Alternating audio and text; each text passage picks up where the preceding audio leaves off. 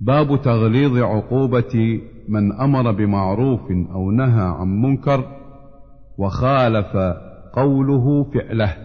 قال الله تعالى أتأمرون الناس بالبر وتنسون أنفسكم وأنتم تتلون الكتاب أفلا تعقلون. سورة البقرة.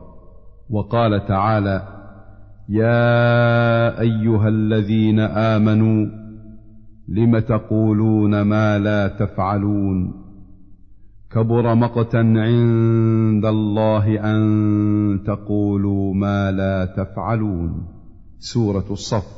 وقال تعالى إخبارا عن شعيب صلى الله عليه وسلم وما اريد ان اخالفكم إلى ما انهاكم عنه.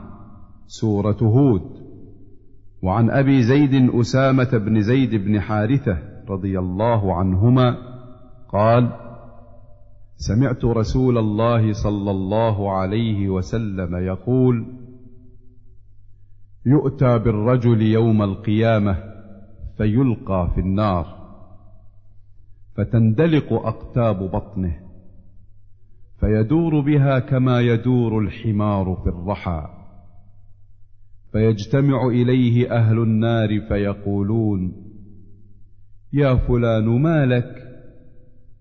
ألم تك تأمر بالمعروف وتنهى عن المنكر؟ فيقول بلى.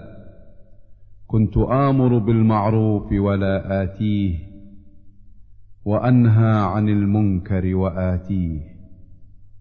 متفق عليه. قوله تندلق ومعناه تخرج. والأقتاب الأمعاء واحدها قتب.